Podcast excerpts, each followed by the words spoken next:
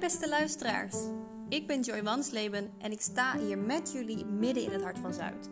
Ik rijd hier zelf dagelijks langs met de metro en heb deze plek het afgelopen jaar beetje bij beetje verder opgebouwd zien worden. De trots voor dit project is echt goed terug te horen in de stem van Twan Bullens.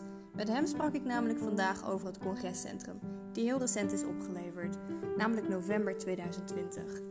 De bouw en de oplevering hebben zich natuurlijk in een bijzondere tijd afgespeeld, waar wat uitdagingen bij kwamen kijken. Twan gaat jullie hier alles en meer over vertellen. Dus laat je meenemen in zijn verhaal. Veel plezier! Nou ja, ik ben Twan Bullens, uh, werk sinds 2015 bij Brink. Ben eigenlijk in dienst gekomen als BIM-specialist, bouwwerk informatiemodel. Dat is denk ik ook hoe de meeste collega's mij kennen. Maar ik heb een achtergrond als bouwkundige. Ik heb uh, bouwkunde gestudeerd aan de TU in Eindhoven. Daarna bij acht jaar bij een architectenbureau gewerkt in, uh, in Eindhoven. En in 2015 dus in dienst gekomen bij Brink. Ja, mijn specialisme is, is het de ene kant van mijn vak. En dat specialisme probeer ik scherp te houden. Onder andere door ook andere niet-specialistische opdrachten en projecten te doen. Zoals het projectmanagement van het Internationaal Congrescentrum bij Ahoy. Um, er komt een bioscoop aan de linkerkant, uh, aan jullie linkerkant hè, van het uh, Alhooiplein en met een hotel ernaast. En dus het congrescentrum waar jullie nu voor staan, daar, ja, daar heb ik aan gewerkt. Vanuit de gemeente, dus de gemeente Rotterdam. Het congrescentrum bij Ahoy is onderdeel van een grotere gebiedsontwikkeling. Die gebiedsontwikkeling heet Hart van Zuid. En daar zit onder andere het zwembad in, het zwemcentrum in Rotterdam. Het kunstenpand, het staat eigenlijk achter jullie, ter hoogte van het metro- en busstation. Die zocht uh, in 2017 ondersteuning voor hun, voor hun projectmanager. En zo ben ik eigenlijk betrokken geraakt. Uh, degene die ondersteuning zocht is Hiddo den Hartog. Dat zal een aantal van onze collega's ook nog wel het een en ander zeggen, want dat is namelijk een oud collega van Brink. Daar werk ik dus heel intensief mee samen. Specifiek het congrescentrum is eigenlijk bedoeld om de internationale concurrentiepositie van Rotterdam Ahoy op het gebied van het organiseren van congressen te verbeteren. Ze hadden al wel een congrescentrum, maar dat was uh, vrij klein. Um, en uh, met deze zaal, zijn 32 congresszalen, um, van groot tot klein, van 50 personen tot uh, 500 personen. Plus een groot, groot auditorium waar 2750 mensen kunnen zitten voor in, in, de, in de congressetting. En daarnaast is het gebouw ook meteen het onderkomen van de RTM Stage. En dat is een grote muziekhal waar grote muziekconcerten tot 7000 mensen worden georganiseerd. En dat is eigenlijk de tegenhanger van de AVAS Live in Amsterdam. Dus ook daar is eigenlijk de concurrentiepositie van Ahoy uh, de grootste driver geweest om dit, uh, om dit te ontwikkelen. Omdat ze voor dat soort concerten eigenlijk nog geen ruimte hadden. Omdat de Ahoy Arena, die recht voor jullie staat, waar het ledscherm op hangt. ja, dat, die, dat is veel groter. dus daar kunnen niet alle concerten terecht. En nou, vandaar dat er dus een kleinere zaal, maar nog steeds uh, 7000 mensen groot, dus gerealiseerd is.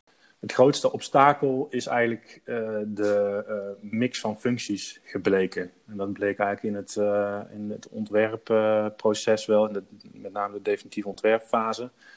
Want een combinatie van congrescentrum en muziekhal in één gebouw Um, ja, dat is nogal wat. En dat komt eigenlijk ook voort uit dat het oorspronkelijk bedoeld was als twee losse ontwikkelingen, twee gebouwen, dus een congrescentrum en een muziekhal, met elk een eigen programma van eisen. En die programma's van eisen die zijn uh, ja, in elkaar geduwd eigenlijk tot, uh, en, en moesten in één gebouw gerealiseerd worden. Nou, dat betekent dat je heel veel gebruik moet maken van gedeelde faciliteiten.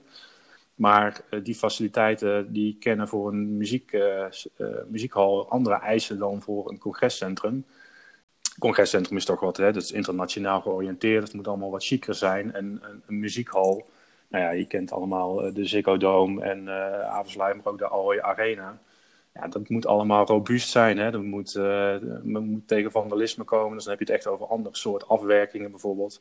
Maar ook de logistiek in het gebouw, want het kan ook zo zijn dat er uh, evenementen gelijktijdig plaatsvinden. Zo moet in principe is het programma van eisen zo ingericht dat er gelijktijdig een muziekconcert kan plaatsvinden terwijl er ook een congres aan de gang is. Nou ja, met name qua geluidwering uh, en akoestiek stelt dat nogal wat eisen aan het, uh, aan het gebouw.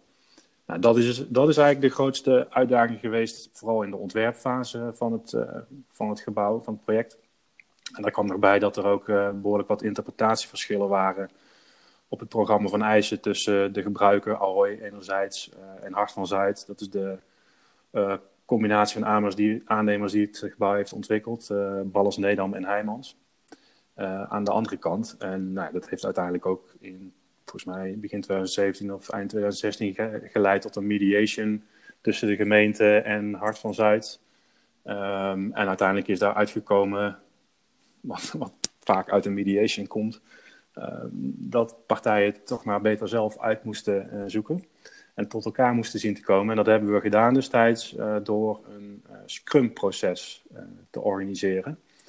Waarbij eigenlijk op een aantal, vijftal thema's, logistiek is er daar een van, functionaliteit. Um, steeds stapje voor stapje gekeken is om die interpretatieverschillen uh, uit de wereld te helpen en zo een, een nieuw DO, een nieuw ontwerp te maken eigenlijk. Waarin alle onvolkomenheden uit het verleden werden gladgestreken. En dat is eigenlijk eind 2017 gelukt. en daarna is het gebouw, ja, is het gebouw gerealiseerd. Kijk voor je zou ik zeggen. Het staat een, uh, een, een, prachtig gebouw, uh, multifunctioneel. Uh, nou, dat, een mooi voorbeeld daarvan vind ik bijvoorbeeld het tribunesysteem in, het, in de muziekhal. Het is een, een tribunesysteem dat helemaal voor automatisch in- en uitgeklapt kan worden. Dus er kunnen 2700, ongeveer 2700 stoelen uitgeschoven worden. Je een soort van heftrucks uh, op hovercraft uh, techniek, die dus op luchtdruk zeg maar, door de zaal heen kunnen bewegen om ze ook weer op te ruimen. Want het kan zo zijn dat er de ene dag een auditorium nodig is voor een congres en een dag later de hele zaal omgebouwd moet worden omdat er een muziekconcert plaatsvindt. Dus dat moest allemaal ja, vrij ingenieus ontworpen worden. Nou, dat, is, dat vind ik echt wel een hele mooie mooie gimmick eigenlijk, die wel ook uh, de hele problematiek rondom die verschillende functionaliteiten tot uiting brengt. Ik vind ook, uh, als je kijkt naar de uitstraling van het gebouw, zeker binnen, als je binnenkomt, dan zie je ook echt uh, die verschillende functionaliteiten wel terugkomen. Want het congrescentrum is heel mooi afgewerkt met, met een houten vloerafwerking, gietvloeren, um, een mooie, ja, goed, strak, strak afgewerkt. Um, en dan zit er eigenlijk een volume in het gebouw wat uh, helemaal met houten betimmering is afgewerkt. En als je dat volume instapt, dan kom je echt in de muziekwereld terecht. Wat toch net iets, uh, iets rauwer, uh, rauwere uitstraling heeft. En ja, dat is echt het ja, popconcert of houseconcert gevoel wat je dan krijgt zeker in 2017, toen, toen ik in ieder geval bij het project betrokken raakte, zat er behoorlijk wat uh, frustratie in het, uh, in, bij alle partijen. Dat had natuurlijk te maken met wat er daarvoor allemaal gebeurd was en ruzie over die interpretatie van het programma van eisen en ontwerp, wat niet door de gebruiker werd geaccepteerd. Nou, daar zat wel behoorlijk wat irritatie en frustratie. En ehm, ik denk dat, dat wij door ja, toch een wat onafhankelijke blik wel ook oog voor de belangen van de aannemer, voor de belangen van de gebruiker, maar natuurlijk ook voor onze eigen opdrachtgever, uh, de gemeente.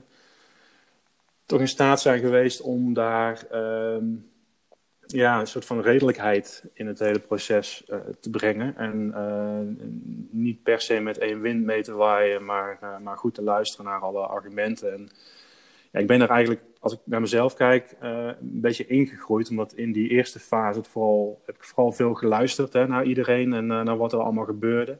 En daardoor kon ik later in het proces uh, eigenlijk, ja, de juiste keuzes maken en zorgen dat iedereen op één lijn bleef. Want eigenlijk is het project zo georganiseerd dat Ahoy als gebruiker en uh, Heijmans en Bals Nederland als bouwer in principe het gebouw zelf zouden moeten kunnen realiseren. En dat de gemeente als opdrachtgever alleen in beeld zou komen als die beide partijen ergens niet uitkomen.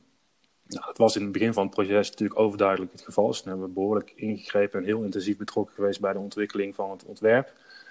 Um, maar later in de realisatiefase heb ik eigenlijk op basis van die ervaringen in, die, in, in, in het ontwerp uh, toch heel veel ook kunnen laten gaan tussen Ahoy en, uh, en Heijmans. Dus dat, dat werkt op zich uh, werkt dat wel goed. Dus nou ja, misschien dat we gewoon als intermediair gewoon lekker in ons vel zitten. Dat is wel vaker zo. Ja. Dat, dat past ons wel. En ik denk ook, als je kijkt naar het DNA van de betrokken partijen...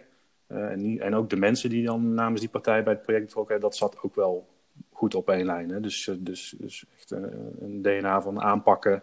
geen woorden, maar daden. En dat, dat gold echt voor zowel Ahoy als Hart van Zuid. En ook, ook onze contactpersonen bij de gemeente, zeg maar Hiddo met name, die, daar, ja, die dat DNA allemaal wel hebben. Dus dat, dat, ja, dat voelde wel goed.